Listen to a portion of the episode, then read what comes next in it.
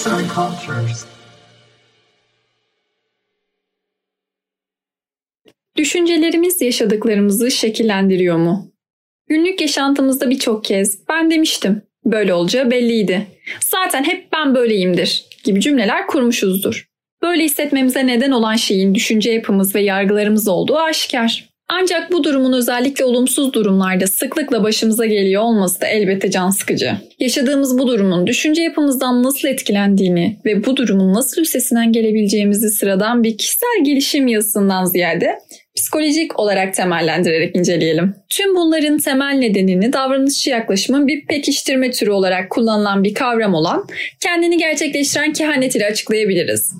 Pygmalion etkisi ya da beklenti etkisi gibi şekillerde de kullanılan bu kavramı ilk olarak bir sosyolog olan Robert King Merton ortaya atmıştır. Kehanet kavramını bir olayın gerçekleşeceğini öngörme olarak tanımlayabiliriz. Merton, bu kavramı yanlış değerlendirdiğimiz durumların davranışlarımızı etkilemesi ve bu şekilde yanlış olan anlayışın doğru olması olarak tanımlamış. Ancak yalnızca olumsuz değil, olumlu anlamda da gerçekleşebileceğini unutmamak gerek. Öğrenilmiş çaresizlik adı verilen hayvanların ve insanların karşılaştıkları olumsuz durumlardan yola çıkarak bu durumu değiştiremeyeceklerine karşı oluşturdukları inanç ile çabalamaktan vazgeçmelerine neden olan olumsuz duygudan bahseden kavram ile oldukça yakın olmakla beraber kendini gerçekleştiren kehanet kavramında durum daha farklıdır. Ancak aralarında büyük bir bağlantı da bulunmakta. Öğrenilmiş çaresizliğin oluşturduğu olumsuz hisler etkinliğe karşı isteksizlik oluşturur ve birey bu nedenle içinde bulunduğu olumsuz durumu değiştiremez yaşayamaz. Kendini gerçekleştiren kehanette ise isteksizlikten ziyade hissedilen olumsuz duygular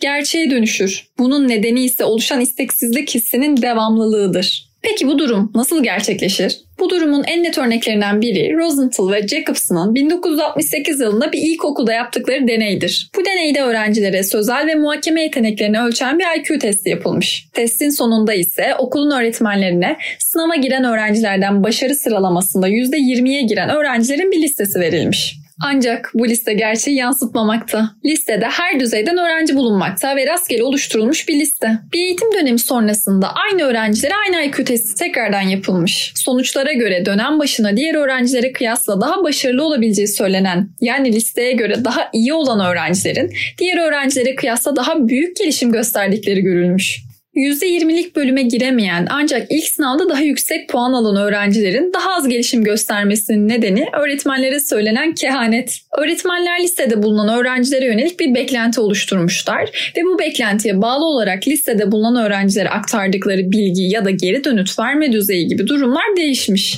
Bu durumda öğrenciler beklentinin farkına varmış. Sonuç olarak öğrencilerin daha büyük bir gelişim gösterdikleri görülmüş. Yapılan testte iyi sonuç alan öğrenciler daha büyük başarı ve gelişim göstereceklerdir kehaneti bu şekilde kendini gerçekleştirmiş. Bu duruma kendi okul hayatımızdan, çalıştığımız iş yerinden ya da özel hayatımızdan birçok örnek verebiliriz. Örneğin çirkin olduğu için kimsenin kendini beğenmeyeceğine ve yalnız kalacağına inanan bir bireyi ele alalım. Bu düşüncenin etkisiyle içine kapanıp insanlarla iletişim kurmakta güçlük çekebilir. Kendisiyle iletişim kuran insanlara mesafeli davranabilir.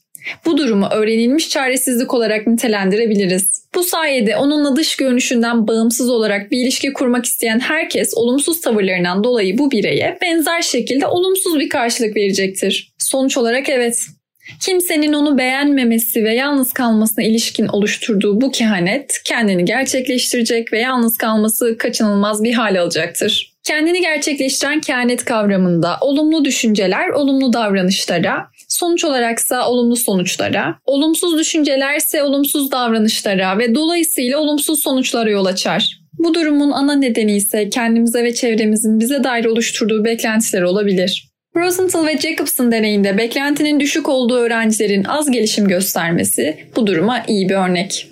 Aynı şekilde iş yerinde patronunuzun size dair yüksek beklentisi, olumlu düşüncesi ve bu nedenle daha fazla sorumluluk vermesi sizin daha kısa sürede terfi almanıza neden olabilir. Özetlemek gerekirse beklentilerin düşüncelerimizi, düşüncelerimizin davranışlarımızı, davranışlarımızınsa başımıza gelenleri etkili olduğuna emin olabiliriz. Kendini gerçekleştiren kehanet kavramını ve etkilerini beklentilerinize yönelik olumlu bir şekilde kullanmanızı dileriz. İnançlarınızın gerçeğe dönüşebileceğini unutmayın. Yazan Tuğçe Gül Korkut Seslendiren Esra Yılmaz